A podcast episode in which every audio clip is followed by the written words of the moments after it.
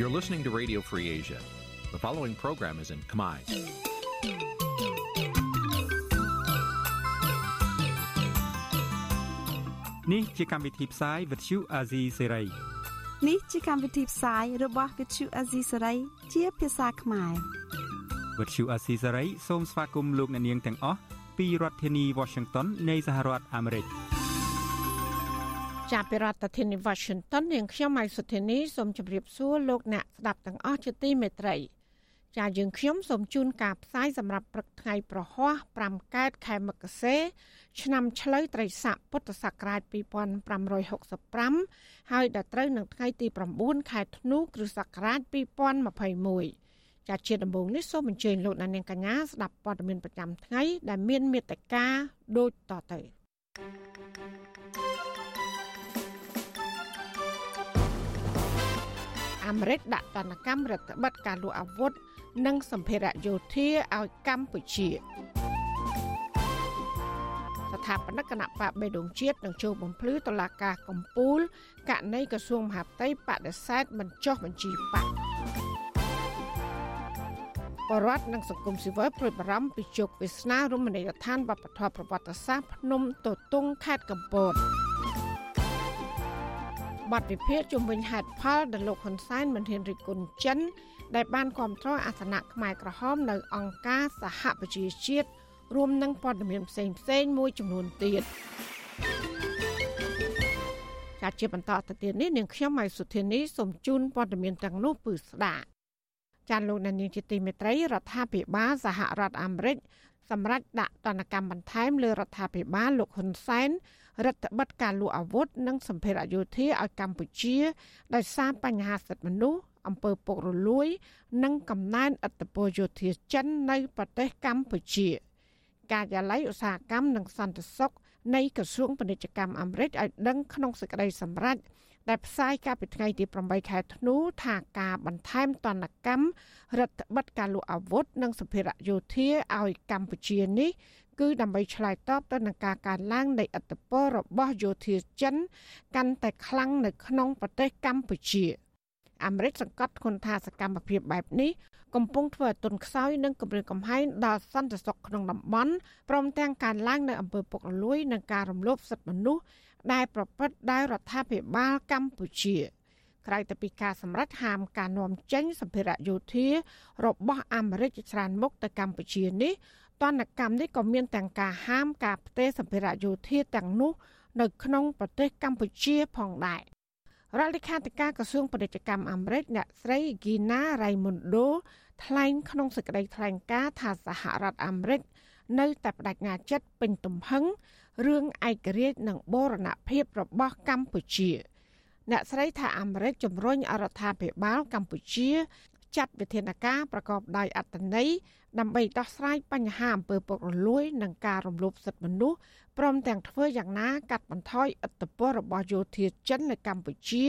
ពីព្រោះបញ្ហាយោធាចិននេះគឺគម្រាមកំហែងដល់សន្តិសុខតំបន់និងពិភពលោកតនកម្មរបស់អាមេរិកលើកនេះធ្វើឡើងមួយខែក្រោយដែលរដ្ឋាភិបាលអាមេរិកទៅតែបានដាក់ទណ្ឌកម្មលើមន្ត្រីយោធាជាន់ខ្ពស់ខ្មែរពីររូប ពាក់ព័ន្ធនឹងរឿងពុករលួយនៅមូលដ្ឋានទ័ពជើងទឹករៀមក្រសួងរដ្ឋាភិបាលសហរដ្ឋអាមេរិកកាលពីខែវិច្ឆិកាកន្លងមកនេះបានដាក់ទណ្ឌកម្មលើមន្ត្រីជាន់ខ្ពស់ក្រសួងការពារជាតិលោកចៅភិរុននិងមេបញ្ជាការកងទ័ពជើងទឹកលោកទាវិញ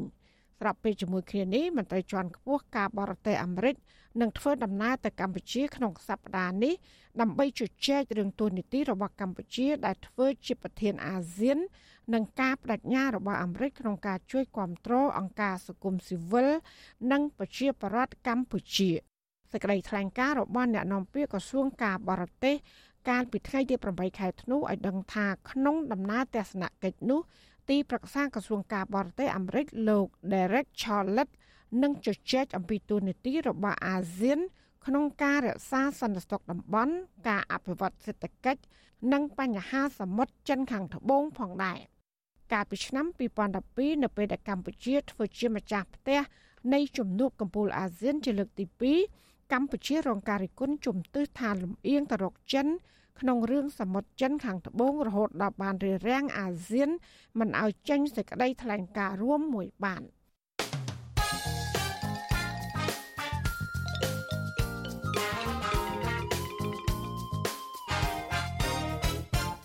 ចាលោកនាងជាទីមេត្រីប្រសពសម្ដេចក្រមព្រះនរោត្តមរណរដ្ឋត្រូវបានធ្វើពិធីថ្វាយព្រះភ្លើង កាលពីព្រឹកថ្ងៃទី8ខែធ្នូព្រះសពរបស់ទ្រង់ត្រូវបានដង្ហែចេញ ពីព្រះដំណាក់ចាស់មកកាន់ព្រះមេរុមុខវត្តបទុមវត្តដីរាជធានីភ្នំពេញ ដើម្បីធ្វើពិធីថ្វាយព្រះភ្លើងចាប់ព្រះមហាក្សត្រប្របាទនរោត្តមសីហមុនី បានយាងជាអធិបតីក្នុងពិធីនេះដោយមានការយាងនិងអញ្ជើញចូលរួមពីព្រះមហាក្សត្រីនរោត្តមមនីនាថសីហនុរាជវង្សានុវង្សលោកនាយករដ្ឋមន្ត្រីហ៊ុនសែនប្រធានប្រតិភិលោកសាយឈុំ ប្រធានរដ្ឋាភិបាលលោកហេងសំរិនមេដឹកនាំបពប្រឆាំងលោកកឹមសុខាព្រមទាំងមន្ត្រីជាន់ខ្ពស់រដ្ឋាភិបាលក្រុងភ្នំពេញមន្ត្រីរាជការនិងប្រជាប្រដ្ឋជាច្រើនអ្នកទៀតចូលរួមដង្ហែប្រសពរដ្ឋាភិបាលបានកំណត់យកថ្ងៃ8ខែធ្នូជាថ្ងៃកាន់ព្រះមរណទុក្ខផ្លូវការទូទាំងប្រទេសដោយតម្រូវឲ្យបង្ហូតទង់ជាតិត្រឹមពាក់កណ្ដាលដងនៅតាមស្ថាប័នរដ្ឋនិងឯកជនចាប់បន្ថែមពីនេះ គ្រប់ស្ថានីយវិទ្យុទូរទស្សន៍ជាតិនិងឯកជនត្រូវតែផ្អាកការសម្ដែងនិងការចាក់ផ្សាយនៅទស្សនីយភាពផ្សេងៗដែលមានលក្ខណៈសប្បាយកក្រឹកកក្រែងផងដែរសម្ដេចក្រមព្រះនរោត្តមរណរដ្ឋបានយាងចូលទីវង្គតនៅថ្ងៃទី28ខែវិច្ឆិកាក្នុងជន្មាយុ77ព្រះវស្សាដោយប្រារព្ធគាពាធចាននៅព្រឹកថ្ងៃទី5ខែធ្នូប្រសពរបស់ព្រះអង្គត្រូវបានយាងដង្ហែពីប្រទេសបារាំងមកកម្ពុជាវិញ ការនៅមានបជនសម្ដេចក្រមព្រះនរោត្តមរណរដ្ឋបានចូលប្រឡូកក្នុងឆាកនយោបាយនៅឆ្នាំ1989ក្នុងទួនាទីអគ្គលេខាធិការគណៈបកហ្វុនស៊ុនពេជ្រមុននឹងឡើងជាប្រធានបកនៅឆ្នាំ1992ព្រះអង្គធ្លាប់កាន់តំណែងជានាយករដ្ឋមន្ត្រីទី1ពីឆ្នាំ1993ដល់ឆ្នាំ1997មុននឹងត្រូវលោកនាយករដ្ឋមន្ត្រីហ៊ុនសែនធ្វើរដ្ឋប្រហារទម្លាក់ព្រះអង្គពីតំណែង ព្រះអង្គធ្វើជាប្រធានរដ្ឋាភិបាលចន្លោះឆ្នាំ1998ដល់ឆ្នាំ2006និងតំណែងចុងក្រោយធ្វើជាប្រធានឧត្តមក្រុមប្រឹក្សាព្រះមហាក្សត្ររហូតដល់ថ្ងៃចូលទីវង្គត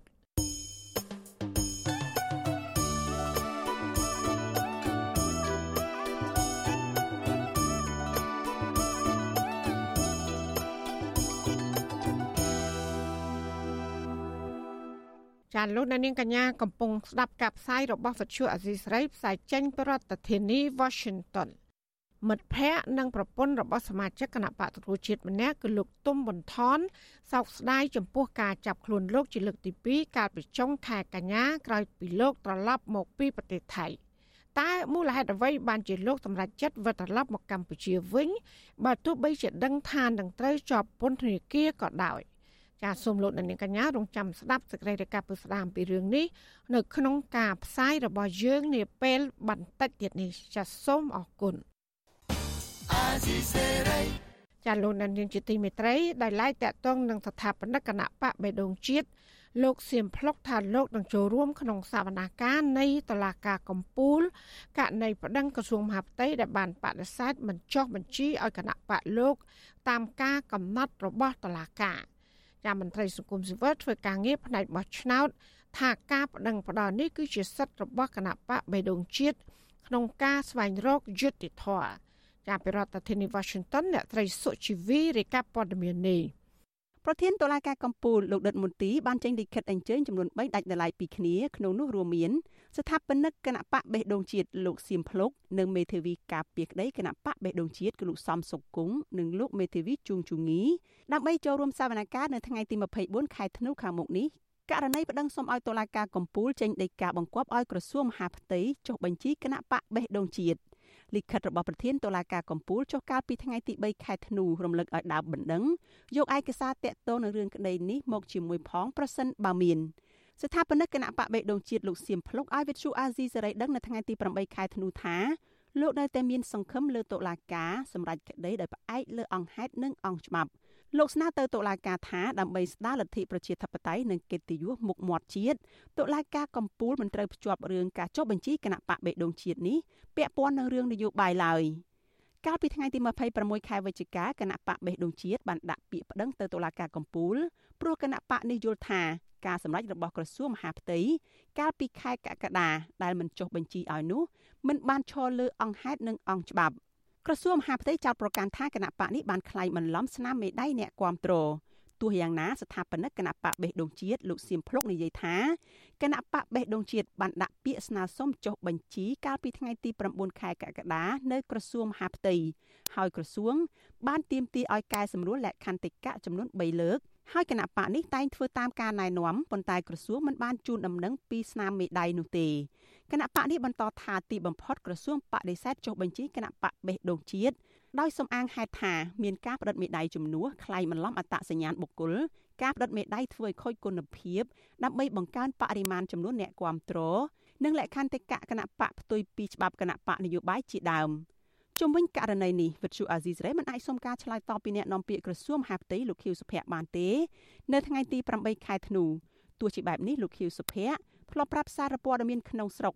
ដោយប្រមានលោកសៀមភ្លុកថាបើក្រសួងប្តឹងវិញប្រយ័ត្នជាប់គុក។ ទោះយ៉ាងណាអ្នកសម្របសម្រួលផ្នែកអង្គការរបស់អង្គការឃ្លាំមើលការបោះឆ្នោត Confrel គឺលោកកនសវាងយល់ថាការសម្ដែងប្តឹងរបស់គណៈបកបេះដូងជាតិនេះគឺជារឿងត្រឹមត្រូវព្រោះតាមផ្លូវច្បាប់បានបើកផ្លូវឲ្យគណៈបកនេះរកយុត្តិធម៌តាមច្បាប់ពេលដែលគណៈបកនេះមិនយល់ស្របតាមក្រសួងមហាផ្ទៃ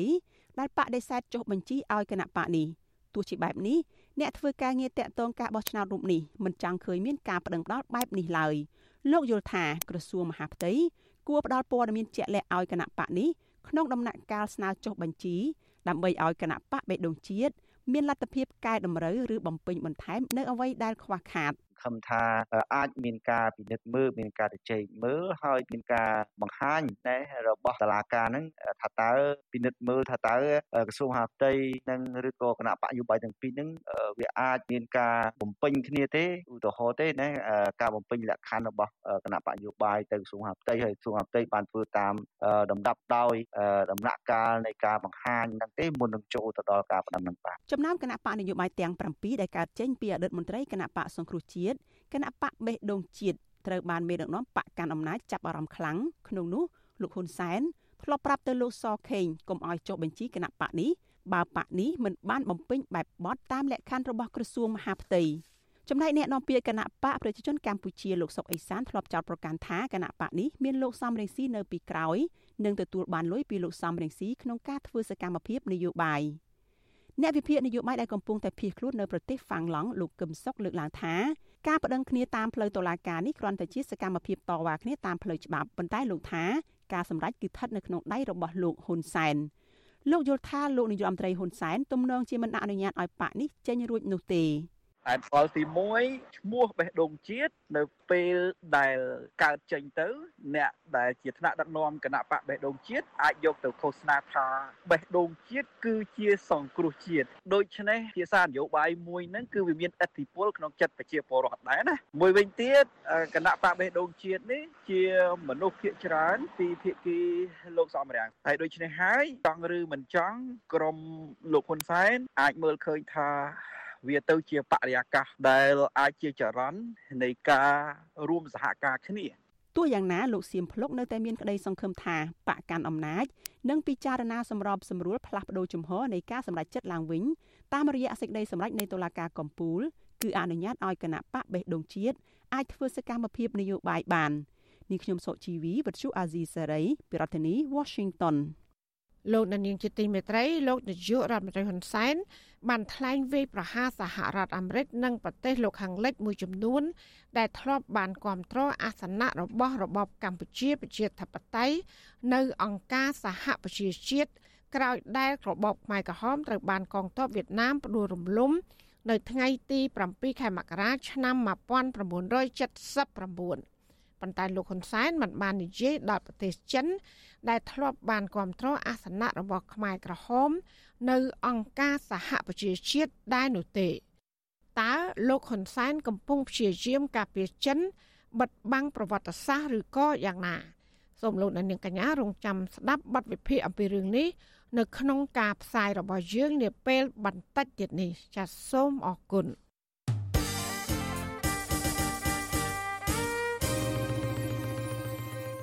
ចាលោកនានីជាទីមេត្រីអង្គបរិយាជំនុំជម្រះនៃសាលាក្តីខ្មែរក្រហម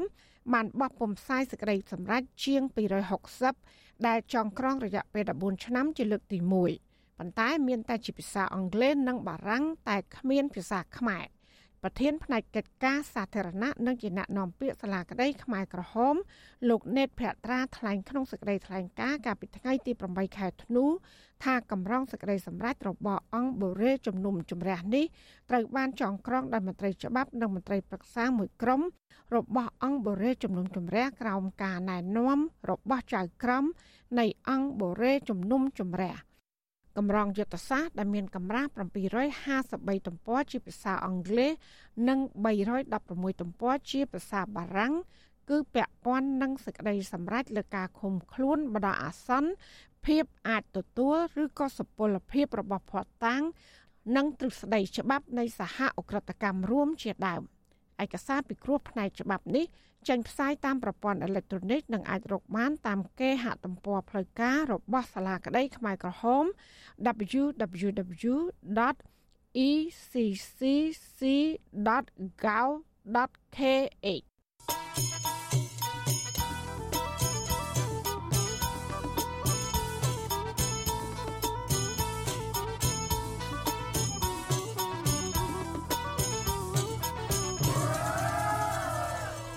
ចាលោកនានីជាទីមេត្រី អ្នកស្លាប់ដោយសារជំងឺ Covid-19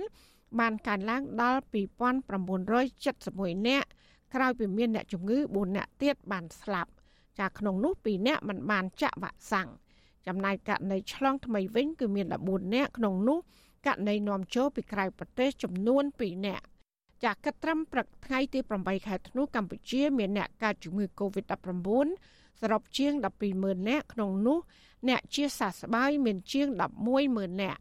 ចាក្រសួងសុខាភិបាលប្រកាសថាគិតត្រឹមថ្ងៃទី7ខែធ្នូរដ្ឋាភិបាលចាក់វ៉ាក់សាំងជូនប្រជាពលរដ្ឋចាប់ពីអាយុ5ឆ្នាំឡើងទៅ បានជិត100%ហើយក្នុងចំណោមអ្នកដែលត្រូវចាក់សរុបចំនួនជាង14លាន2សែននាក់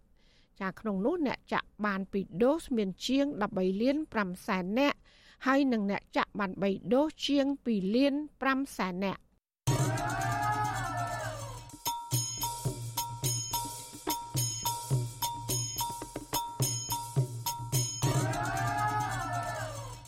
ចាលោកនាងជាទីមេត្រីសាលាដំបងខេត្តកោះកុងបានសម្រេចបន្តសវនាការកាត់ក្តីសំណុំរឿង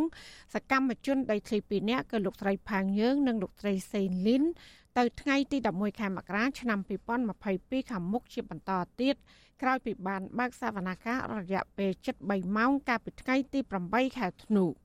ចាបរដ្ឋនិងសកម្មជនដីធ្លីមកពីសហគមន៍ចំនួនដីធ្លីចំនួន6នៅស្រុកស្រែអំបិលបទុមសាគរនិងស្រុកថ្មបាំងនៅខេត្តកោះកុង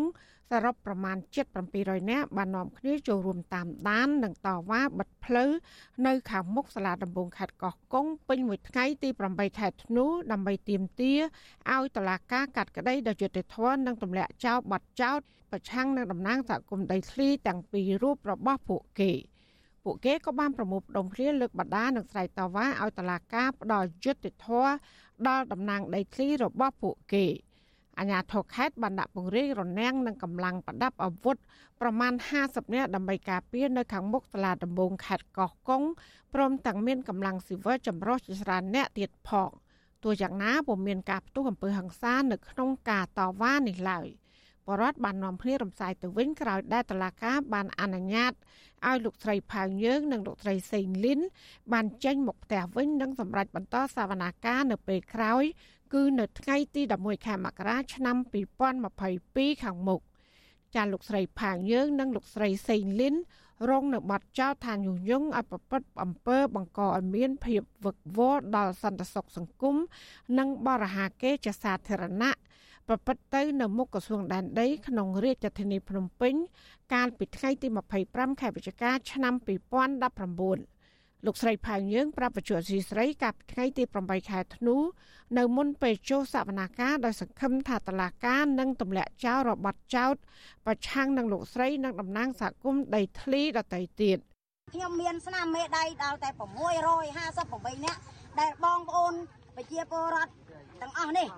ចាគាត់ហួសចិត្តចាគាត់ គាត់សុំអះអាងនៅចំពោះមុខតឡាការថាគាត់អះអាងថាខ្ញុំអត់បានញុះញង់អត់បានបង្កភាពពឹកបោអីទេអញ្ចឹងហើយខ្ញុំសង្ឃឹម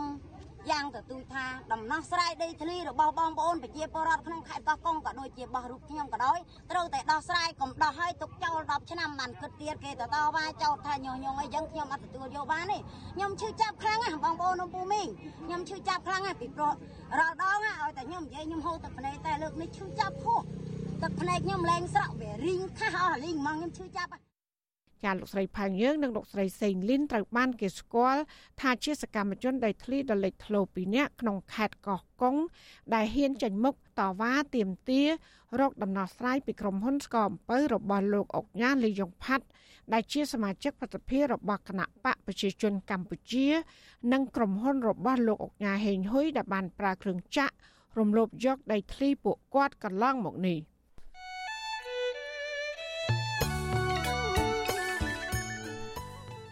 ចាលោកអ្នកនាងជាទីមេត្រីកម្មវិធីផ្សាយរបស់វិទ្យុអសីសេរីក្រៅតែពីផ្សាយតាមបណ្ដាញសង្គម Facebook និង YouTube លោកអ្នកនាងក៏អាចស្ដាប់ការផ្សាយរបស់យើងដំណើរគ្នាតាមរលក ធាតុអាកាសខ្លីឬ Short Wave ពេលព្រឹកចាប់ពីម៉ោង5កន្លះដល់ម៉ោង6កន្លះតាមរយៈរលកធាតុអាកាសខ្លី9390 kHz ស្មើនឹងកម្ពស់ 32ម៉ែត្រនិង11800 kHz ស្មើនឹងកម្ពស់ 25ម៉ែត្រ ចាសម្រាប់ពេលយប់វិញគឺចាប់ពីម៉ោង7កន្លះដល់ម៉ោង8កន្លះតាមរយៈរលកធាតុអាកាសខ្លី9390 kHz ស្មើនឹងកម្ពស់ 32ម៉ែត្រនិង15155 kHz ស្មើនឹងកម្ពស់ 20ម៉ែត្រចាសសូមអរគុណ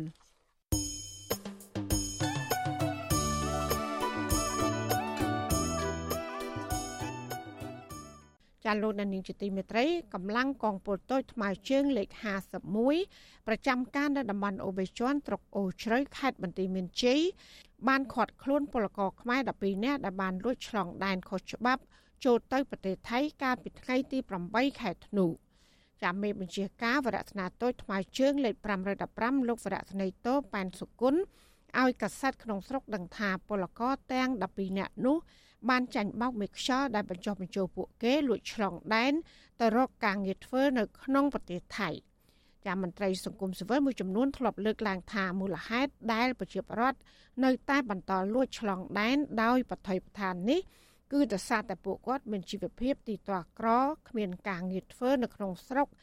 និងជំពាក់បំណុលធនាគារឬមីក្រូហិរញ្ញវត្ថុជាដើម ចាមន្ត្រីសង្គមស៊ីវិលទាំងនោះក៏បានស្នើសុំដល់រដ្ឋាភិបាលឲ្យបង្កើតការងារក្នុងស្រុកឲ្យបានច្រើនដើម្បីឲ្យប្រជាពលរដ្ឋអាចមានការងារធ្វើរកប្រាក់ចំណូលដោះស្រាយជីវភាពក្នុងគ្រួសារ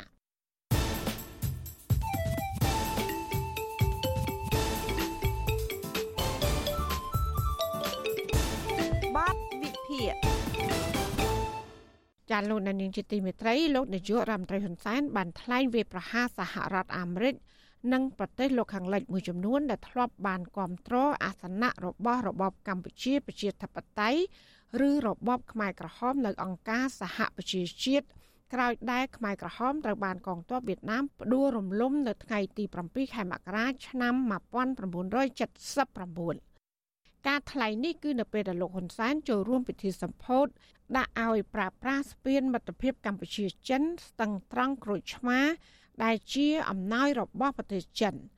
ប៉ុន្តែនៅក្នុងពេលនោះលោកហ៊ុនសែនមិនបាននិយាយដល់ប្រទេសចិនដែលធ្លាប់បានគ្រប់គ្រងអាសនៈរបស់ខ្មែរក្រហម នៅអង្គការសហប្រជាជាតិដែរនោះទេតើលោកហ៊ុនសែនកំពុងព្យាយាមការពារចិនបិទបាំងប្រវត្តិសាស្ត្រឬក៏យ៉ាងណា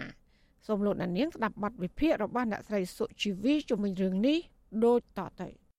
នរណាក៏ដឹងដែរថារដ្ឋាភិបាលនៃបកកុម្មុយនីសចិនគឺជាអ្នកទ្រទ្រង់របបកម្ពុជាប្រជាធិបតេយ្យឬរបបខ្មែរក្រហមដ៏ធំជាងគេតែមួយគត់តាំងពីមុនពេលខ្មែរក្រហមនៅជាកងទ័ពឧទាមធ្វើសង្គ្រាមប្រឆាំងនឹងរបបសាធារណរដ្ឋខ្មែររបស់លោកលន់នល់នោះទៅទៀត។ បើទោះជារបបអាវខ្មៅខ្មែរក្រហមត្រូវបានផ្ដួលរំលំដោយកងទ័ពវៀតណាមនៅក្នុងឆ្នាំ1979ក្តី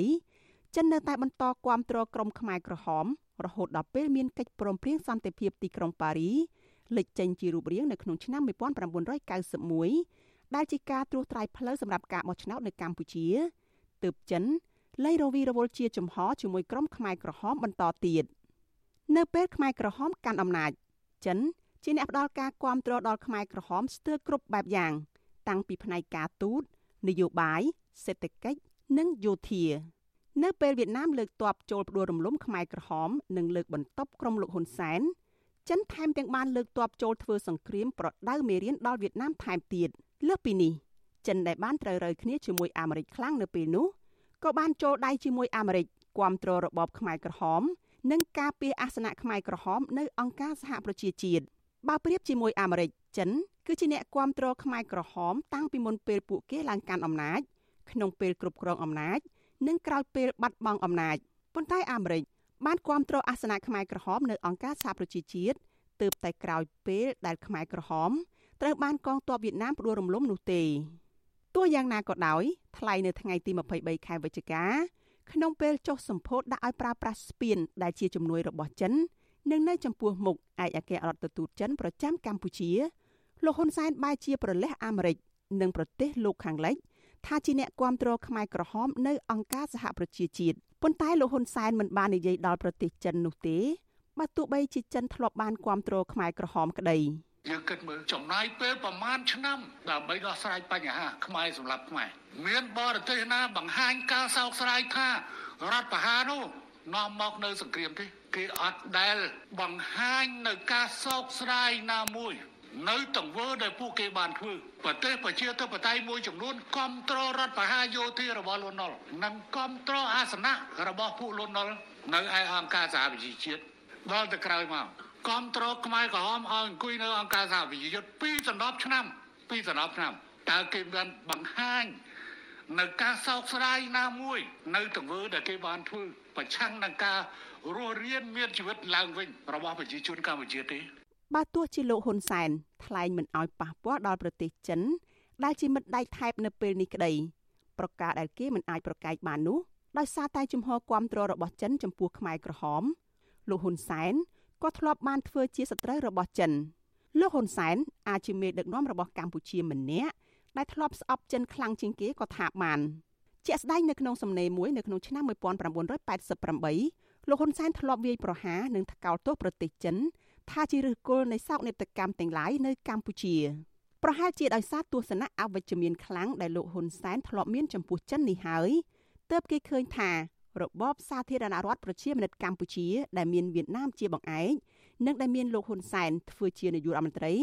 ចាប់តាំងពីឆ្នាំ1985 បានធ្វើទុកបុកម្នេញយ៉ាងខ្លាំងទៅលើជនជាតិចិននៅកម្ពុជា ដែលនៅសេសសល់ពីការស្លាប់នៅក្នុងរបបខ្មែរក្រហមនិងបានបង្ខំឲ្យជនជាតិចិនមួយចំនួនត្រូវរត់ភៀសខ្លួនស្វែងរកការជ្រកកោននៅប្រទេសទី3ជាការពិតណាស់នៅក្នុងសម័យសាធារណរដ្ឋប្រជាមានិតកម្ពុជាសេរីភាពរបស់ប្រជាជនចិនឬអ្នកជាប់ខ្សែស្រឡាយចិនត្រូវបានរដ្ឋអំណាចរដ្ឋបិទតឹងតែងដែលសំបីតែភាសាជនជាតិរបស់ខ្លួនក៏មិនត្រូវបានរដ្ឋអំណាចអនុញ្ញាតឲ្យសិក្សានោះឡើយ ក្រៅពីនោះអ្នកដែលជាប់ខ្សែស្រឡាយចិនឬក៏កូនចៅចិនក៏ត្រូវរបបសាធារណរដ្ឋប្រជាមានិតកម្ពុជា បែងចែកជាក្រុមដោយឡែកខុសពីប្រជាជនដទៃទៀតគេចុះស្ថិតិអ្នកដែលមានសម្បុរសភ្នែកតឹងនៅក្នុងបញ្ជីមួយដែលគេឲ្យឈ្មោះថាស្ថិតិ351អ្នកមានឈ្មោះនៅក្នុងស្ថិតិ351នេះត្រូវបានគេរើសអើងមិនមានសិទ្ធិសេរីភាពពេញលេញដូចគេឯងនោះឡើយ ក្នុងនីតិជារដ្ឋមន្ត្រីការបរទេសនៃសម័យសាធារណរដ្ឋប្រជាមានិតកម្ពុជាលោកហ៊ុនសែនធ្លាប់បានសរសេរលិខិតទៅប្តឹងពួកខ្មែរក្រហមនៅអគ្គលេខាធិការអង្គការសហប្រជាជាតិដោយហៅក្រុមខ្មែរក្រហមថាជាអាយ៉ងរបស់ប្រទេសវៀតទីនិយមចិនលោកហ៊ុនសែនក៏ធ្លាប់ទទួលស្គាល់នៅក្នុងសំណេរផ្លូវការនាពេលនោះថាចិន គឺជាប្រភពគ្រោះមហន្តរាយរាប់មិនអស់នៅកម្ពុជាផងដែរមែនតែនទៅលោកហ៊ុនសែន ចាប់ផ្ដើមត្រូវរើជាមួយចិនទើបតែនៅក្រោយរដ្ឋប្រហារទម្លាក់ព្រះអង្គម្ចាស់នរោត្តមរណរដ្ឋពីនាយករដ្ឋមន្ត្រីទី1នៅក្នុងឆ្នាំ1997ជាពិសេសនៅក្រៅពីចិនចាប់ផ្ដើមបោះបង់ចោលព្រះអង្គម្ចាស់រណរិទ្ធរួចងាកមកចាប់លោកហ៊ុនសែនវិញដោយសារតែចិនគ្មានក្តីរំពឹងថាព្រះអង្គម្ចាស់រណរិទ្ធអាចវិលត្រឡប់មកកាន់អំណាចវិញបាននិងម្យ៉ាងទៀតដោយសារតែចិនមិនទុកចិត្តព្រះអង្គថាជាមនុស្សស្ម័គ្រស្មោះជាមួយចិនដោយលោកហ៊ុនសែន ព្រោះតែព្រះអង្គធ្លាប់គង់និងសិក្សានៅប្រទេសលោកខាងលិចនិងតែងធ្លាប់ចង់មានទំនាក់ទំនងល្អជាមួយសហរដ្ឋអាមេរិកនិងប្រទេសលោកខាងលិចថែមទៀតចាប់តាំងពីពេលនោះមកទំនាក់ទំនងរវាងលោកហ៊ុនសែននិងចិនកាន់តែល្អប្រសើរឡើង ហើយគេកម្រឃើញណាស់ថាលោកហ៊ុនសែនហ៊ានថ្លែងរិះគន់ចិនជាសាធារណៈនៅទង្វើរបស់ចិនធ្លាប់បានធ្វើនៅក្នុងអតីតកាលជាពិសេស គឺការគ្រប់គ្រងរបបខ្មែរក្រហម ដែលជារបបកាប់សម្លាប់រង្គាលពលរដ្ឋខ្លួនឯងឲ្យស្លាប់ជាច្រើនលាននាក់ហើយក៏ជាអតីតរបបដែលក្រុមលោកហ៊ុនសែនផ្ដួលរំលំជាមួយវៀតណាមផងដែរផ្ទុយទៅវិញលោកហ៊ុនសែនតែងអួតសរសើរពីចិនស្ទើរគ្រប់រឿងលោកហ៊ុនសែននិយាយថា អ្នកនយោបាយចិន មានរឹកពីល្អសុភាពរៀបសារគោរពរូបលោក ចិនមិនជ្រៀតជ្រែកលូកលាន់ចូលការងារផ្ទៃក្នុងរបស់កម្ពុជា ចិនតែងធ្វើតាមសំណើរបស់កម្ពុជាឬថាជំនួយចិនមិនសាមញ៉ាំឬគ្មានលក្ខខណ្ឌជាដើម ក្រៅពីនេះគុំថាឡើយដល់ទៅរដ្ឋាភិបាលចិន ដែលលោកហ៊ុនសែនមិនហ៊ាននិយាយប៉ះពាល់ដល់សូម្បីតែជនជាតិចិនជាអ្នកចំណូលថ្មី កំពុងរស់នៅកម្ពុជា ដែលមានរឹកពីអកប្បកិរិយាក្រអឺតក្រទមមិនសូវគោរពឲ្យតម្លៃដល់ខ្មែរម្ចាស់ស្រុកក៏លោកហ៊ុនសែនមិនសូវជាហ៊ាននិយាយប៉ះពាល់ដល់ជនជាតិចិនទាំងអស់នោះឡើយ បើទោះបីជាគេមើលឃើញថាជនជាតិចិនមួយចំនួនកំពុងបង្កអសន្តិសុខធ្វើឲ្យប៉ះពាល់សន្តិភាពសង្គមកម្ពុជាក្តីជាក់ស្ដែងនរណាមិនដឹងថាព្រឹត្តិការណ៍ចម្លងជំងឺ Covid-19 ក្នុងសហគមន៍នៅថ្ងៃទី20កុម្ភៈដែលបានបណ្ដាលឲ្យពលរដ្ឋខ្មែរឆ្លងជំងឺ Covid-19 និងស្លាប់ជាច្រើនអ្នករហូតមកដល់ពេលបច្ចុប្បន្ននេះកើតឡើងដោយសារតែជនជាតិចិនមួយក្រុមតូចដែលគ្មានការទទួលខុសត្រូវនិងអសិលធម៌លោភលួច ចាក់ចេញពីមណ្ឌលចាត់តល័យស័កជួបជុំគ្នាស៊ីផឹកច្រៀងរាំចម្លងជំងឺទៅកាន់អ្នកដទៃប៉ុន្តែករណីទាំងនេះរដ្ឋាភិបាលកម្ពុជានិងលោកហ៊ុនសែនស្ទើរតែមិនហ៊ានស្ដីបន្ទោសចំពោះជនជាតិចិន ដែលអសិលធម៌ទាំងអស់នោះឡើយជារួមគេសង្កេតឃើញថាលោកហ៊ុនសែនហាក់មានការប្រុងប្រយ័ត្នណាស់នៅក្នុងការនិយាយឲ្យប៉ះពាល់ទៅដល់មុខមាត់របស់ចិនបើទោះបីជាលោកធ្លាប់មិនពេញចិត្តចិនក្តី ប៉ុន្តែក្នុងពេលជាមួយគ្នាគេតែងសង្កេតឃើញថាលោកហ៊ុនសែនមិនញញើតឡើយនិយាយវាយប្រហារឬរីគុណសហរដ្ឋអាមេរិកនិងប្រទេសលោកខាងលិចដែលធ្លាប់ធ្វើសកម្មភាពគាំទ្រខ្មែរក្រហមប្រឆាំងនឹងរបបលោកហ៊ុនសែនហេងសំរិននៅក្នុងទសវត្សរ៍ឆ្នាំ1980ទាំងដែលគេដឹងថាចិនក៏បានចូលរួមសកម្មភាពជាមួយសហរដ្ឋអាមេរិកនៅពេលនោះដែរប្រការទាំងនេះហើយទើបគេមើលឃើញថាលោកហ៊ុនសែនហាក់ព្យាយាមលាក់កំបាំងការពិតនៃប្រវត្តិសាស្ត្រ និងគោលនយោបាយរបស់ចិនដែលជាអ្នកធ្លាប់គ្រប់គ្រងខ្មែរក្រហមប៉ុន្តែវាប្រហែលមិនមែនជារឿងចៃដន្យទេដែលលោកហ៊ុនសែនព្យាយាមលាក់កំបាំងរឿងមិនល្អរបស់ចិននរណាក៏ដឹងដែរថាលោកហ៊ុនសែនកំពុងយកចិនធ្វើជាបង្អែកដើម្បីការពារអំណាចរបស់លោកនិងក្រុមគ្រួសារលោកដូច្នេះបើទោះបីជាចិនធ្លាប់ជាអ្នកគ្រប់គ្រងខ្មែរក្រហមនិងធ្លាប់ជាសត្រូវរបស់លោកហ៊ុនសែនក្តីក៏លោកហ៊ុនសែនត្រូវតែលួងលោមយកចិត្តចិន ដើម្បីសម្រេចមហិច្ឆតារក្សាអំណាចខ្លួនឯងក្នុងពេលដែលលោកហ៊ុនសែនកំពុងប្រឈមនឹងសម្ពាធកាន់តែធ្ងន់ធ្ងរពីប្រទេសលោកខាងលិចដោយសារតែការដឹកនាំបែបផ្ដាច់ការរបស់លោកនាងខ្ញុំសុជីវីវិទ្យុអាស៊ីសេរីពីរដ្ឋធានី Washington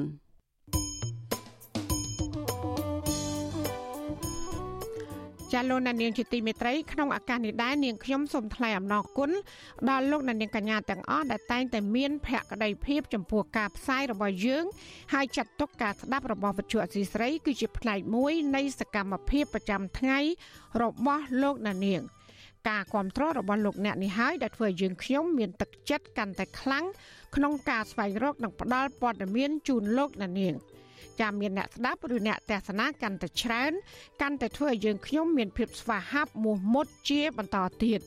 ចាយើងខ្ញុំសូមអរគុណទុកជាមុនហើយក៏សូមអញ្ជើញលោកដានៀងកញ្ញាចូលរួមដើម្បីជំរុញអសកម្មភាពផ្តល់ព័ត៌មានរបស់យើងនេះកាន់តែជោគជ័យបន្ថែមទៀត ចាលោកដានៀងអាចជួយយើងខ្ញុំបានដោយគ្រាន់តែចុចចែករំលែកឬ share ការផ្សាយរបស់យើងនៅលើបណ្ដាញសង្គម Facebook និង YouTube ទៅកាន់មិត្តភ័ក្តិដើម្បីឲ្យការផ្សាយរបស់យើង បានទៅដល់មនុស្សកាន់តែច្រើន ចាសសូមអរគុណចាលោកនាងជាទីមេត្រីសមាជិកគណៈបកសង្គ្រោះជាតិម្នាក់គឺលោកទុំបន្ថន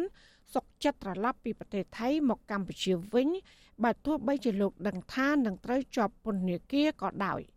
លោកបានសម្រេចចិត្តដូច្នេះគឺដើម្បីបានរស់នៅជួបជុំក្រុមគ្រួសារនិងបដិញ្ញាទាមទារឲ្យមានការស្ដារលទ្ធិប្រជាធិបតេយ្យឡើងវិញចាមិត្តភ័ក្តិនិងប្រពន្ធរបស់លោក មានការសោកស្ដាយចំពោះការចាប់ខ្លួនលោកកាលពីចុងខែកញ្ញាពីព្រោះថាលោកទុំបន្ថនមិនបានប្រព្រឹត្តបទល្មើសអ្វីឡើយ ចាប់ពីរដ្ឋធានី Washington លោកលេងម៉ាលីរាយការណ៍ពុស្ដាជំវិញព័ត៌មាននេះលោកទុំប៊ុនថនគឺជាសមាជិកគណៈបកប្រឆាំងម្នាក់ក្នុងចំណោមច្រើនអ្នកផ្សេងទៀតដែលត្រូវបានសមត្ថកិច្ចចាប់ខ្លួនក្រោយពេលវិលត្រឡប់ទៅរស់នៅជួបជុំប្រពន្ធកូនក្នុងប្រទេសកម្ពុជាវិញប្រពន្ធរបស់លោកទុំប៊ុនថនគឺលោកស្រីសៀងលេង នៅតែទទូចសុំឲ្យរដ្ឋាភិបាលនិងតុលាការទម្លាក់បទចោទ ហើយដោះលែងប្តីលោកស្រីពីពន្ធនាគារដើម្បីឲ្យពួកគាត់បានវិលត្រឡប់មករស់នៅជួបជុំគ្រួសារវិញគ្រួសាររបស់លោកស្រី បានព្រាត់ប្រាសគ្នាជាង2ឆ្នាំហើយដោយសារតែការធ្វើទុកបុកម្នេញផ្នែកនយោបាយនេះលោកស្រីយល់ថាការបន្តឃុំខ្លួនប្តីបន្តទៀតជាការបង្កើនភាពឈឺចាប់ដល់ក្រុមគ្រួសាររបស់លោកស្រី ខ្ញុំមានស្នើសុំមករដ្ឋាភិបាលនឹងដោះលែងគាត់មកវិញអញ្ចឹងណាបងគាត់នឹងស្នើសុំតែប៉ុណ្្នឹងឯងដើម្បីឲ្យគាត់នឹងបានរួចចេញមកក្រៅទៅយើងស្រួលធ្វើការងាររស់ស៊ីអីលោកទុំប៊ុនថនគឺជាសមាជិកក្រុមប្រឹក្សាជាប់ឆ្នោតរបស់គណៈបកសង្គ្រោះជាតិនៅសង្កាត់ផ្សារដេប៉ូ2ខណ្ឌទួលគោករាជធានីភ្នំពេញសមត្ថកិច្ចបានឡោមព័ទ្ធនិងស្ទាក់ចាប់លោកនៅមុខផ្ទះក្នុងសង្កាត់ព្រៃសរខណ្ឌដង្កោ កាលពីល្ងាចថ្ងៃទី29ខែកញ្ញា ហើយបញ្ជូនទៅឃុំខ្លួនក្នុងពន្ធនាគារព្រៃសរនៅថ្ងៃទី30ខែកញ្ញាការចាប់ខ្លួនពេលនោះគឺកើតឡើងបន្ទាប់ពីលោកទុំបន្ថនបានវិលត្រឡប់ពីប្រទេសថៃដើម្បីមករស់នៅជួបជុំគ្រួសារវិញ បានរយៈពេល1ខែលោកស្រីសៀងលេងនិយាយថាលោកស្រីសោកស្ដាយណាស់ចំពោះការចាប់ខ្លួនប្តីម្ដងទៀតនេះ អ្នកនាំពាក្យអាយកាអមសាលាដំបងរាជធានីភ្នំពេញលោកប្លង់សុផល បានប្រាប់ក្រុមអ្នកសារព័ត៌មានតាមបណ្ដាញសង្គម Telegram កាលពីថ្ងៃទី1តុលាថាសមត្ថកិច្ចចាប់លោកទុំបន្ថនតាមនៃការបង្គាប់របស់ចៅក្រមលោករស់ពិសិដ្ឋដែលបានផ្ដន្ទាទោសកំបាំងមុខកាលពីថ្ងៃទី30ខែធ្នូឆ្នាំ2020លើសកម្មជនគណៈបកប្រឆាំងរូបនេះឲ្យជាប់ពន្ធនាគារ1ឆ្នាំ8ខែពីបទញុះញង់ឲ្យមានភាពវឹកវរធ្ងន់ធ្ងរដល់សន្តិសុខសង្គម ពាក់ព័ន្ធនឹងការផ្ញើសារតាមមេដឹកនាំបកប្រឆាំងលោកសំរងស៊ីក្នុងការអំពាវនាវឲ្យពលរដ្ឋផ្អាកសងបំណុលធនាគារបណ្ដោះអាសន្នរហូតដល់ស្ថានភាពជំងឺ Covid-19 ធូរស្រាលនិងមានជីវភាពល្អប្រសើរឡើងវិញចាំសងធនាគារក្នុងសំណុំរឿងនេះលោករស់ពិសិដ្ឋក៏បានចេញសាលក្រមផ្ដន្ទាទោសកំបាំងមុខលោកសំរងស៊ីឲ្យជាប់ពន្ធនាគារ2ឆ្នាំ និងប្រដេជគុណបុត្របន្ទិញជាប់ពន្ធនាគារ1ឆ្នាំ8ខែដោយលោកទុំបន្ថនដែរ លោកទុំបន្ថនហៅសុកកើតនៅឆ្នាំ1976គឺជាកូនទី5ក្នុងចំណោមបងប្អូន7នាក់ក្នុងគ្រួសារកសិករមួយនៅភូមិកំពង់ថ្ម ស្រុកប្រាសាទបាឡាំងខេត្តកំពង់ធំលោកបានបញ្ចប់ការសិក្សាថ្នាក់បាក់ឌុបនៅឆ្នាំ1994លោកទុំបន្ថនគឺជាមនុស្សមានសន្តានចិត្តជាមួយគណៈបកប្រឆាំងហើយតែងតែជួយទ្រទ្រង់គណៈបកនេះតាំងពីដើមមក លោកបានឈរឈ្មោះជាតំណាងរបស់គណៈបកសង្គ្រោះជាតិក្នុងការបោះឆ្នោតក្រុមប្រឹក្សាឃុំសង្កាត់អាណត្តិទី4កាលពីខែមិថុនាឆ្នាំ2017និងជាប់ជាសមាជិកក្រុមប្រឹក្សាសង្កាត់ផ្សារដេប៉ូ2នៅក្រៅពេលតុលាការកំពូលរំលាយគណៈបកប្រឆាំងនៅចុងឆ្នាំ2017លោកទុំមន្ថនមិនបានចុះចូលជាមួយគណៈបកកណ្ដាលអំណាចតាមការអំពាវនាវរបស់លោកនាយករដ្ឋមន្ត្រីហ៊ុនសែនទេហើយលោកបានបដូរមកប្រកបរបររកស៊ីធម្មតាវិញ។ លោកបានរៀបការនៅឆ្នាំ2018និងមានកូនប្រុសម្នាក់ដែលបច្ចុប្បន្នអាយុ3ឆ្នាំលោកស្រីសៀងលេងបញ្ជាក់ថាមុនដំបូងលោកស្រីបានជំទាស់នឹងការចូលរួមនយោបាយរបស់លោកទុំបន្ថនជាខ្លាំងលោកស្រីនិងប្តីតែងតែឆ្លោះប្រកែកគ្នាជាញឹកញាប់និងតែងតែហាមឃាត់លោកមិនឲ្យបញ្ចេញមតិតស៊ូផ្នែកនយោបាយឡើយប៉ុន្តែក្រោយការចាប់ខ្លួនចំនួន2លើកទាំងលើកនេះផងលោកស្រីបានផ្លាស់ប្ដូរគំនិតទាំងស្រុងហើយផ្ទុយទៅវិញ លោកស្រីបែរជាមានមោទនភាពចំពោះឆន្ទៈរបស់ប្តីខ្ញុំគិតថាបើគាត់មិនធ្វើបានអ្នកណាគេធ្វើបើចំនួនក្រោយអត់មានទៀតចឹងបងបើគាត់មិនធ្វើមិនចំនួនក្រោយមិនយកគំរូតាមគាត់មិនហ៊ានចឹងនៅក្រៅការរំលាយគណៈបកប្រឆាំងលោកទុំប៊ុនថនក៏ដូចជាសកម្មជនបកប្រឆាំងផ្សេងទៀតដែរគឺតែងតែបន្តចូលរួមសកម្មភាពសង្គមការចូលរួមតវ៉ានានានិងការចូលរួមសិក្ខាសាលាជាមួយលោកសំរងស៊ីនៅប្រទេសម៉ាឡេស៊ី កាលពីខែសីហាឆ្នាំ2019ជាដើមក្រោយត្រឡប់មកវិញតុលាការបានចោទលោកថាមានចេតនាផ្ដួលរំលំរដ្ឋាភិបាលសមត្ថកិច្ចបានចុះទៅចាប់ខ្លួនលោកកាលពីថ្ងៃទី13ខែកញ្ញាឆ្នាំ2019ក្នុងពេលដែលលោកទៅទិញលក់អចលនទ្រព្យមួយកន្លែងក្នុងខេត្តសៀមរាបហហើយបញ្ជូនទៅសាលាដំបងរាជធានីភ្នំពេញហើយចៅក្រមសម្រេចឃុំខ្លួនបណ្ដោះអាសន្នក្នុងពន្ធនាគារព្រៃសរម1ដោយចោទពីបទរួមគំនិតក្បត់ និងញុះញង់ ឲ្យមានភាពវឹកវរធ្ងន់ធ្ងរដល់សន្តិសុខសង្គមលោកទុំប៊ុនថនគឺជាសកម្មជនម្នាក់ដែលហ៊ានចេញមុខតវ៉ាឲ្យមានការកែលម្អស្ថានភាពក្នុងពន្ធនាគារជាមួយសកម្មជនសង្គមនិងសកម្មជននយោបាយផ្សេងទៀតដូចជាយុវជនគង់រាយាយុវជនសួងនិពន្ធលោកប៉ានសុកសវណ្ណីជាដើមសកម្មជននយោបាយធ្លាប់ជាប់ពន្ធនាគារជាមួយលោកទុំប៊ុនថនគឺលោកម៉ៃហុងស្រៀងនិយាយថា លោកទុំប៊ុនថនមានភាពអង់អាចមិនចុះញោមឬចាញ់ការសម្លុតគម្រាមឡើយលោកទុំប៊ុនថនតែងតែជួយយកអាសាអ្នកជាប់ឃុំជាមួយគ្នាខ្ញុំរាប់អានគាត់ខ្លាំងណាស់ដោយសារឆន្ទៈដូចគ្នាហើយគោលដៅដូចគ្នាអត់ចេះក្បត់គ្នាទេទុំថនគឺមិនមែនការក្បត់មិត្តភ័ក្តិក្បត់បងប្អូនទេបន្ទាប់មកនៅខែវិច្ឆិកាឆ្នាំ2019ក្រោយពេលរដ្ឋាភិបាលប្រកាសបញ្ចប់យុទ្ធនាការទប់ស្កាត់ព្រឹត្តិការណ៍9វិច្ឆិកា លោកទុំប៊ុនថនត្រូវបានតុលាការដោះលែងតាមបញ្ជារបស់លោកនាយករដ្ឋមន្ត្រីហ៊ុនសែនដោយអ្នកជាប់ឃុំនយោបាយផ្សេងទៀតដែរប៉ុន្តែលោកនៅតែសកម្មក្នុងការចូលរួមសកម្មភាពសង្គមដដែលលោកតែងតែទៅទទួលនិងលើកទឹកចិត្តដល់អ្នកជាប់ឃុំផ្សេងទៀតដែលត្រូវបានដោះលែងប៉ុន្តែការនៅក្រៅឃុំមិនយូរប៉ុន្មានតុលាការក្រុងភ្នំពេញចោទប្រកាន់លោកម្ដងទៀតពីបទញុះញង់តាមរយៈការបង្ហោះសារតាម Facebook ឲ្យពលរដ្ឋផ្អាកសងបំណុលធនាគារមួយរយៈ ក្នុងអំឡុងដើមឆ្នាំ2020លោកទុំប៊ុនថនបានភៀសខ្លួនទៅប្រទេសថៃមួយរយៈទោះជាទៅដល់ប្រទេសថៃហើយក៏ដោយក៏លោកតែងតែបន្តចូលរួមបញ្ចេញមតិដើម្បីទាមទារឲ្យមានការស្ដារលទ្ធិប្រជាធិបតេយ្យដោះលែងអ្នកនយោបាយសកម្មជនសង្គមនិងលើកកម្ពស់សិទ្ធិមនុស្សមិត្តភ័ក្តិរបស់លោកទុំប៊ុនថននិងជាអ្នកចម្រៀងជាមួយគ្នាកាលនៅប្រទេសថៃគឺលេខាធិការគណៈកម្មាធិការប្រតិបត្តិគណៈបកសង្គ្រោះជាតិស្រុកក្រគរ ខេត្តពោធិ៍សាត់លោកខិនសមនឲ្យដឹងថាលោកទុំប៊ុនថនបានចូលរួមស្ដារលទ្ធិប្រជាធិបតេយ្យតាមរយៈជំនាញរបស់លោកគឺការតែងនិពន្ធនិងច្រៀងឲ្យផលិតកម្មព្រះអាទិត្យរះនិងផលិតកម្មខ្មែរអមតៈរបស់គណៈបកប្រឆាំងលោកមិនដឹងពីមូលហេតុដែលលោកទុំប៊ុនថនត្រឡប់ទៅកម្ពុជាវិញទេ តែលោកទាមទារឲ្យតុលាការដោះលែងសកម្មជនគណៈបកប្រឆាំងរូបនេះឲ្យមានសេរីភាពវិញ ប្រឆាំងនឹងរដ្ឋនៅផ្ដាច់ការលួងជាតិច្បាប់ព្រៃឆ្នៃចោតឧបគៀបអុកក្រឹកជាអាចទាំងគ្មានកំហុសជន់ពីលកំណាចកាចសាហាវពោះចាប់ផ្ដន់ទៀតទងឃុំក្នុងព្រៃសរ សម្រាប់សង្គមស៊ីវិលវិញក៏ចង់ឃើញតុលាការដោះលែងលោកទុំប៊ុនថនឲ្យបានទៅរស់នៅជួបជុំគ្រួសារវិញដែរព្រោះការចាប់ខ្លួននេះគឺជាករណីនយោបាយនាយករងទទួលបន្ទុកផ្នែកឃ្លាំមើលសិទ្ធិមនុស្សនៃអង្គការ Liga do លោកអំសំអាតយល់ថា ការចាប់ខ្លួនលោកទុំប៊ុនថនជាលើកទី2បានបណ្ដាលឲ្យសកម្មជនផ្សេងទៀតមានការភ័យខ្លាចនិងព្រួយបារម្ភមិនហ៊ានវិលត្រឡប់មកកម្ពុជាវិញ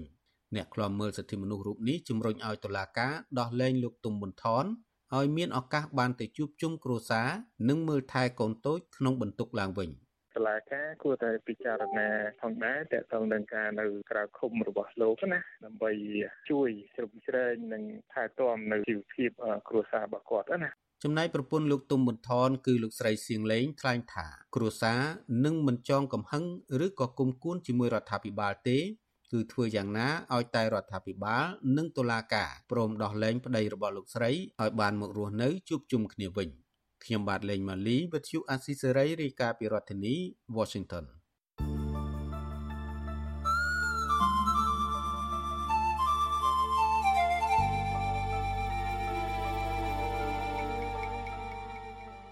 លោកអ្នកស្ដាប់ជាទីមេត្រីប្រជាប្រដ្ឋនិងសង្គមស៊ីវិលព្រួយបារម្ភ ពីជោគវាសនាតំបន់រមណីយដ្ឋានវប្បធម៌ប្រវត្តិសាស្ត្រភ្នំតូតុងនៅខេត្តកំពតថានឹងរងការបំផ្លិចបំផ្លាញដោយសារក្រុមហ៊ុន KCMIN ដែលបានសហការជាមួយក្រុមហ៊ុនចិនធ្វើអាជីវកម្មថ្មកំបោរ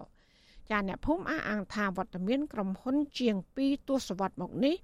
បានបំផ្លិចបំផ្លាញភោគទ្រព្យជាតិឈូសឆាយដីព្រៃវាយបំបែកថ្មភ្នំ និងកន្លែងប្រតិបត្តិជំនឿរបស់ប្រជាពលរដ្ឋ ចាអ្នកស្រីខែសំណងមានសេចក្តីរាយការណ៍ពុស្ដាជំវិញរឿងនេះពីរដ្ឋធានី Washington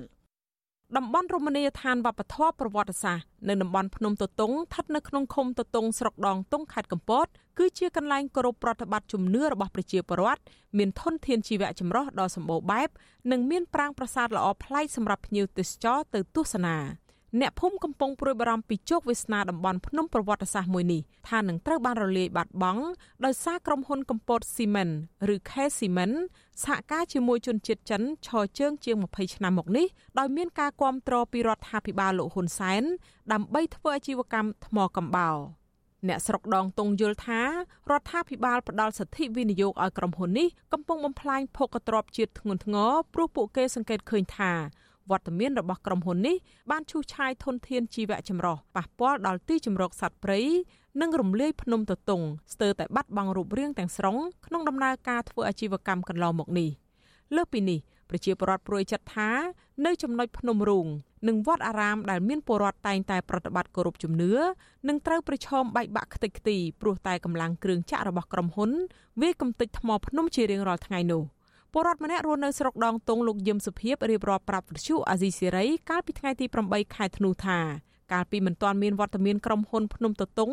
មានភ្ញៀវទេសចរជាតិនិងអន្តរជាតិមកទស្សនាយ៉ាងច្រើនព្រោះតំបន់នេះជារមណីយដ្ឋានវប្បធម៌ប្រវត្តិសាស្ត្រព្រមទាំងមានប្រាសាទបុរាណមួយកន្លែងឈ្មោះគុហាព្រះគិរីស្រះស្រង់ឬប្រាសាទភ្នំតតុងដែលស្ថិតនៅចំណុចខាងក្នុងរូងភ្នំតតុង លោកចោទថាព្រៃឈើតូចធំជុំវិញភ្នំក្បែរតំបន់ប្រាសាទមួយចំនួនត្រូវបានក្រុមហ៊ុនបំផ្លិចបំផ្លាញរួចមកហើយដូច្នេះលោកបារម្ភខ្លាចតំបន់ភ្នំវប្បធម៌ប្រវត្តិសាស្ត្រមួយនេះ នឹងត្រូវបាត់បង់រូបរាងដោយភ្នំស្ដេចគង់ក្នុងរយៈពេលដ៏ខ្លីខាងមុខនេះទៀតប្រសិនបើគ្មានក្រសួងពាក់ព័ន្ធទប់ស្កាត់បញ្ឈប់ក្រុមហ៊ុនមួយនេះតែដល់ថ្ងៃមុខក៏អាចវត្តហ្នឹងប្រហែលជាมันអាចនៅបានអញ្ចឹងណាដោយសារកាលណាគេបាញ់ភ្នំហ្នឹងវាលុកលាយអស់ទៅវត្តហ្នឹងក៏វាតែភ្នំហ្នឹងទៀតអញ្ចឹងវាអាចមានផលប៉ះពាល់ដល់វត្តវាផ្ទាល់វាអីហើយវត្តហ្នឹងនៅជាប់ភ្នំអញ្ចឹងអ្នកទៅធ្វើបន់ធ្វើទានវាប្រហែលជាមានក្តីបារម្ភឲ្យរឿងការ ធ្វើកម្មនៅលើលោកយឹមសុភាបន្ថែមថាប្រជាពលរដ្ឋមូលដ្ឋានមិនសប្បាយចិត្តចំពោះវត្តមានក្រុមហ៊ុនមកធ្វើអាជីវកម្មនេះទេ ហើយពួកគេបានត្រឹមតែសោកស្ដាយធនធានធម្មជាតិដែលកំពុងឈានទៅរកការបាត់បង់ទាំងស្រុង។ លើសពីនេះលោកបានបញ្ជាក់ថាក្រៅពីមានព្រៃឈើជាម្លប់បៃតង និងប្រាសាទបុរាណនៅចំណុចចង្កេះភ្នំតតុងក៏មានទីវត្តអារាមមួយកន្លែងឈ្មោះវត្តកោះតុងដែលជាកន្លែងប្រជាពលរដ្ឋតែងតែប្រតិបត្តិគោរពជំនឿប៉ុន្តែបច្ចុប្បន្នពុំសូវមានប្រជាពលរដ្ឋទៅធ្វើបុណ្យទានព្រោះតែសកម្មភាពក្រុមហ៊ុនបង្កសម្លេងរំខាន និងបារម្ភពីបញ្ហាសវត្ថិភាពដោយសារកំទេចថ្មចេញពីការដ្ឋានក្រុមហ៊ុន។ កាលពីចុងខែមករាឆ្នាំ2021លោកនាយករដ្ឋមន្ត្រីហ៊ុនសែនបានចេញអនុក្រឹត្យមួយស្តីពីការបង្កើតតំបន់បេតិកភណ្ឌធម្មជាតិភ្នំតតុងនិងភ្នំតូចដែលមានផ្ទៃដីទំហំជិត100ហិកតា មានទីតាំងនៅក្នុងស្រុកដងតុងនិងស្រុកបន្ទាយមាសដើម្បីការពារទូនាទីក្នុងប្រព័ន្ធអេកូឡូស៊ីសម្រាប់ប្រយោជន៍មនុស្សគ្រប់ជំនាន់និងកម្រិតដល់ការប្រើប្រាស់ធនធានជីវៈចម្រុះធនធានធម្មជាតិនិងធនធានវប្បធម៌ ចំណែកពលរដ្ឋម្នាក់ទៀតរស់នៅឃុំតតុង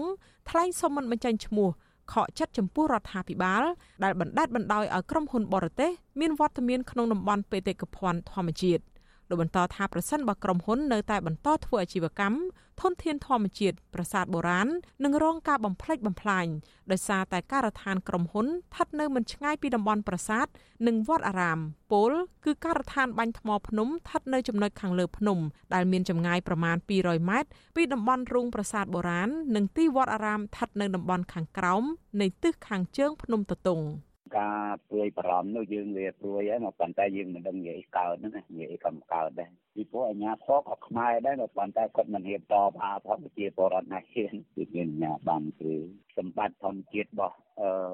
ដូនតាយើងនរណាក៏វាស្ដាយដូចតែគ្នាហ្នឹងប៉ុន្តែការគេធ្វើមានអាញាបានគេធ្វើទៅនឹងរឿងរបស់គេទៅក្រៅពីនេះក៏មានទីតាំងបុរាណមួយចំនួនទៀតដែរដូចជាស្រះទួលកន្លែងឡស្លដែកនាសម័យបុរាណ ឡដុតកំបោនិងផ្លូវទឹកដែលធ្លាប់បានបម្រើវិស័យទេសចរក៏កំពុងរងការគំរាមកំហែងពីសំណាក់ក្រុមហ៊ុនចិនដែលមានទំនាក់ទំនងជាមួយអ្នកមានលុយមានអំណាចធ្វើអាជីវកម្មជាបន្តបន្ទាប់បរិះដដែលបន្ថែមថាពលរដ្ឋព្រួយបារម្ភថាប្រសិនបើថ្ងៃអនាគតតំបន់រមណីយដ្ឋានវប្បធម៌ប្រវត្តិសាស្ត្រមួយនេះបាត់បង់ដោយក្រុមហ៊ុនឈ្មួញបរទេសធ្វើអាជីវកម្មវាជារឿងគួរឲ្យសោកស្ដាយព្រោះនៅខាងក្នុងរូងភ្នំប្រាសាទបុរាណមួយនេះ បានបន្សល់ទុកនៅវត្ថុបុរាណមួយចំនួន ដូចជាសសរពេជ្រសិវលឹងប្រកេះថ្មបុរាណរូបបដិមាឈរដងខ្លួនត្រឹមស្មា និងជើងទម្រថោលោហៈធាតុរបស់ប្រាសាទវិទ្យុអាស៊ីសេរីបានព្យាយាមតាក់ទងសុំការបកស្រាយពីអភិបាលខេត្តកំពតលោកម៉ៅធនិននិងអ្នកនាំពាក្យក្រសួងបរិស្ថានលោកណេតភក្ត្រាប៉ុន្តែទូរស័ព្ទហៅចូលជាច្រើនដងគ្មានអ្នកទទួលនៅថ្ងៃទី8ខែធ្នូប៉ុន្តែអ្នកនាំពាក្យក្រសួងវប្បធម៌និងវិចិត្រសិល្បៈ លោកឡុងបូណាសេរីវ័ត្នមានប្រសាសន៍ថាកាលពីឆ្នាំ2019មន្ត្រីជំនាញក៏ធ្លាប់បានចុះត្រួតពិនិត្យពីផលប៉ះពាល់ដែរប៉ុន្តែការធ្វើអាជីវកម្មរបស់ក្រុមហ៊ុននេះមានការឆ្លងអន្តរក្រសួងដើម្បីសិក្សាពីផលប៉ះពាល់បរិស្ថាន និងបញ្ជាការប៉ះទង្គិចប្រាសាទបុរាណតាំងពីឆ្នាំ2016មកម្លេះ។ សម្រាប់វាវិធានការមិនតែណែរំលោភបំពានយើងត្រូវតែឲ្យគាត់ឈប់ប្រព្រឹត្តឈប់អីជើកន្លងមកធ្វើអញ្ចឹងទៅបងមិនចាំបាច់ត្រូវអឺមិនបើយើងខំមានច្បាប់មានទម្លាប់អញ្ចឹងយើងធ្វើមកទៅអីបងមិនអនុវត្តកន្លែងណាយើងជាបានយើងជាអីចឹងទៅគេឲ្យធ្វើផ្លូវទៅធ្វើទៅឈូសប៉ះប្រាសាទយើងមិនខ្វាត់គេដូចគ្នាខ្លះយើងឲ្យសិទ្ធគាត់ថាសង់រោងចក្រចុះ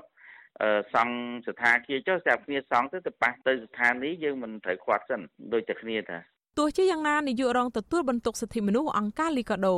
លោកអំសំអាតយល់ថាការធ្វើអាជីវកម្មដោយប្រើប្រាស់គ្រឿងចាក់ធំធំសម្រាប់រំលាយថ្មភ្នំធ្វើអាជីវកម្មនឹងមានផលប៉ះពាល់ដល់តំបន់រូងប្រាសាទបុរាណធ្ងន់ធ្ងរលោកបន្តថារដ្ឋាភិបាលគួរណាតែសិក្សាពីតំបន់អភិវឌ្ឍឲ្យបានល្អិតល្អន់ មុននឹងឲ្យក្រុមហ៊ុនធ្វើអាជីវកម្មក្បែរតំបន់វប្បធម៌ប្រវត្តិសាស្ត្រដែលប្រឈមការបំផ្លិចបំផ្លាញក្នុងថ្ងៃអនាគតអាជ្ញាធរមូលដ្ឋានក៏ដូចជាអាជ្ញាធរពាក់ព័ន្ធគួរតែពិនិត្យមើលទៅលើការវិនិយោគឬក៏ក្រុមហ៊ុនដែលវិនិយោគនឹងថាវាអាចប៉ះពាល់ទៅដល់បេតិកភណ្ឌបុរាណរបស់ជាតិយើងនឹងដែរទេអានេះត្រូវថ្លឹងថ្លែងមកតែសំខាន់គឺការទៅយកវត្ថុធាតុដើមដែលភ្នំនៅក្បែរហ្នឹងឬក៏ភ្នំដែលប៉ះពាល់ទៅដល់បេតិកភណ្ឌរបស់ជាតិហ្នឹងដែលអាជ្ញាធររហើយនឹងស្ថាប័នដែលពាក់ព័ន្ធទាំងអស់គួរតែពិនិត្យស្រដៀងគ្នានេះអ្នកសម្របសម្រួលនៃសមាគមអាត6ប្រចាំខេត្តកំពតលោកយុនផល្លីទាមទារឲ្យរដ្ឋាភិបាលចុះទៅត្រួតពិនិត្យនៅតំបន់នោះបន្ថែមទៀតនិងត្រូវមានវិធានការជាក់លាក់ក្នុងកម្រិតណាមួយដើម្បីគ្រប់គ្រងធនធានធម្មជាតិក្នុងតំបន់អភិរក្សលោកបន្តទៀតថាភ្នំមួយចំនួននៅក្នុងស្រុកដងតុង បានរងផលប៉ះពាល់រួចមកហើយដូចជាភ្នំស្ដេចគង់ត្រូវរលាយដោយសារតែមានអាជីវកម្មថ្មកំបោរដូច្នេះលោកបារម្ភថានៅតំបន់ភ្នំប្រវត្តិសាស្ត្រប្រាសាទបុរាណនឹងរងការបំផ្លិចបំផ្លាញនៅថ្ងៃមុខខណៈវត្តមានក្រុមហ៊ុនកំពុងធ្វើអាជីវកម្មបាញ់ថ្មភ្នំស្ទើររៀងរាល់ថ្ងៃ អញ្ញាធរដែនដីឬក៏ទីពាក់ព័ន្ធឬក៏រាជរដ្ឋាភិបាលលោកគួរតែមានវិធានការក្នុងការការពារទៅលើសម្បត្តិជាបតិកភណ្ឌដែរតែត្រូវតែមានវិធានការក្នុងការការពារក្នុងកម្រិតណាមួយដែលកុំឲ្យមានផលប៉ះពាល់ព្រោះអាកន្លងមកដែលការដែលអឺផ្លិចផ្លាញអីភ្នំអីផ្សេងផ្សេងហ្នឹងដែលមានការបាត់បង់ហ្នឹង គឺឃើញថាមានការបញ្ចេញជាអាញាបានអីផ្សេងផ្សេងហ្នឹងប៉ុន្តែអញ្ចឹងនៅក្នុងចំណុចណាមួយដែលជាកន្លែងអភិរក្សយើងត្រូវតែមានការការពារទាំងអស់គ្នារួមការការពារទាំងអស់គ្នាច្បាប់ភូមិបាលឆ្នាំ2001មាត្រា16ចែងថាទ្រព្យសាធារណៈរបស់រដ្ឋមិនអាចលក់ដូរបានទេហើយទ្រព្យកម្មសិទ្ធិទាំងនោះមិនអាចកំណត់អាជ្ញាយុកាលបានឡើយចានាងខ្ញុំខែសុណងវັດឈូអាស៊ីសេរីរាយការណ៍ពីរដ្ឋធានី Washington thank you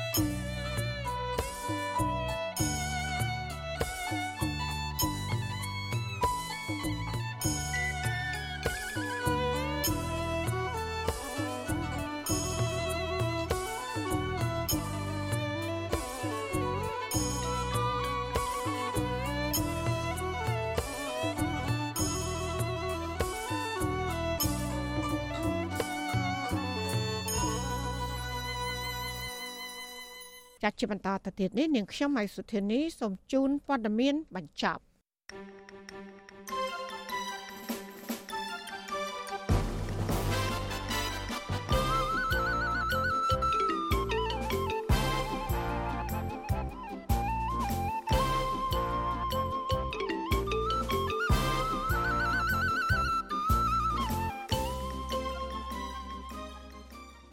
ចាលោកនានីជាទីមេត្រីរដ្ឋាភិបាលសហរដ្ឋអាមេរិកសម្រាប់ដាក់ទណ្ឌកម្មបន្ថែមលើរដ្ឋាភិបាលលោកហ៊ុនសែនរដ្ឋបិទការលក់អាវុធនិងសម្ភារៈយោធាឲ្យកម្ពុជាដោយសារបញ្ហាសិទ្ធិមនុស្សអំពើពុករលួយ និងកំណែនឥទ្ធិពលយោធាចិននៅប្រទេសកម្ពុជា ការិយាល័យឧស្សាហកម្មនិងសន្តិសុខនៃក្រសួងពាណិជ្ជកម្មអាមេរិកឲ្យដឹងក្នុងសេចក្តីសម្រេច ដែលផ្សាយកាលពីថ្ងៃទី8ខែធ្នូថាការបន្ថែមទណ្ឌកម្មរដ្ឋបិទការលក់អាវុធនិងសម្ភារៈយោធាឲ្យកម្ពុជានេះគឺដើម្បីឆ្លើយតបទៅនឹងការកើនឡើងនៃឥទ្ធិពលរបស់យោធាចិន កាន់តែខ្លាំងនៅក្នុងប្រទេសកម្ពុជាអាមេរិកសង្កត់ធ្ងន់ថាសកម្មភាពបែបនេះកំពុងធ្វើឲ្យទុនខ្សោយនិងគម្រាមកំហែងដល់សន្តិសុខក្នុងតំបន់ព្រមទាំងការឡើងនៅអំពើពុករលួយនិងការរំលោភសិទ្ធិមនុស្ស ដែលប្រព្រឹត្តដោយរដ្ឋាភិបាលកម្ពុជាក្រៅពីការសម្រេចហាមការនាំចេញសម្ភារៈយោធារបស់អាមេរិកច្រើនមុខទៅកម្ពុជានេះទណ្ឌកម្មនេះក៏មានទាំងការហាមការផ្ទេរសម្ភារៈយោធាទាំងនោះនៅក្នុងប្រទេសកម្ពុជាផងដែរប្រសពសម្ដេចក្រមព្រះនរោត្តមរណរដ្ឋត្រូវបានធ្វើពិធីថ្វាយព្រះភ្លើងកាលពីព្រឹកថ្ងៃទី8ខែធ្នូប្រសពរបស់ទ្រង់ត្រូវបានដង្ហែចេញ ពីព្រះដំណាក់ចាស់មកកាន់ព្រះមេរុមុខវត្តបទុមវត្តីរាជធានីភ្នំពេញ ដើម្បីធ្វើពិធីថ្វាយព្រះភ្លើងចាប់ព្រះមហាក្សត្រប្របាទនរោត្តមសីហមុនី បានយាងជាអធិបតីក្នុងពិធីនេះដោយមានការយាងនិងអញ្ជើញចូលរួម ពីព្រះមហាក្សត្រីនរោត្តមមនីនាថសីហនុរាជវង្សានុវង្សលោកនាយករដ្ឋមន្ត្រីហ៊ុនសែនប្រធានប្រតិភិលោកសាយឈុំ ប្រធានរដ្ឋសភាលោកហេងសំរិនមេដឹកនាំបពប្រឆាំងលោកកឹមសុខាព្រមទាំងមន្ត្រីជាន់ខ្ពស់រដ្ឋាភិបាលក្រុងភ្នំពេញមន្ត្រីរាជការនិងប្រជាប្រដ្ឋជាច្រើនអ្នកទៀតចូលរួមដង្ហែប្រសពតកតងនឹងស្ថាបនិកគណៈបកបេដងជាតិ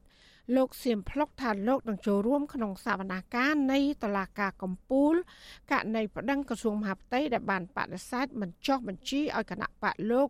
តាមការកំណត់របស់តឡាការ ចាំមន្ត្រីសង្គមស៊ីវិលធ្វើការងារផ្នែកបោះឆ្នោត ថាការបដិងផ្ដាល់នេះគឺជាសិទ្ធិរបស់គណៈបកបេដងជាតិ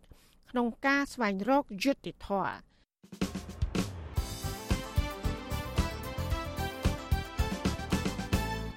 ចាលោកនាងកញ្ញាអ្នកស្ដាប់ជាទីមេត្រីការផ្សាយរយៈពេល1ម៉ោងនៃវិទ្យុអាស៊ីសេរីជាភាសាខ្មែរនៅពេលនេះចាប់តែប៉ុណ្ណេះ ចាយើងខ្ញុំសូមជូនពរដល់លោកនាងព្រមទាំងក្រុមគ្រួសារទាំងអស់សូមជួបប្រកបតែនឹងសេចក្តីសុខសេចក្តីចម្រើនជានិរន្តរ៍ចានាងខ្ញុំម៉ៃសុធានីព្រមទាំងក្រុមការងារទាំងអស់នៃវិទ្យុអាស៊ីសេរីសូមអរគុណនិងសូមជម្រាបលា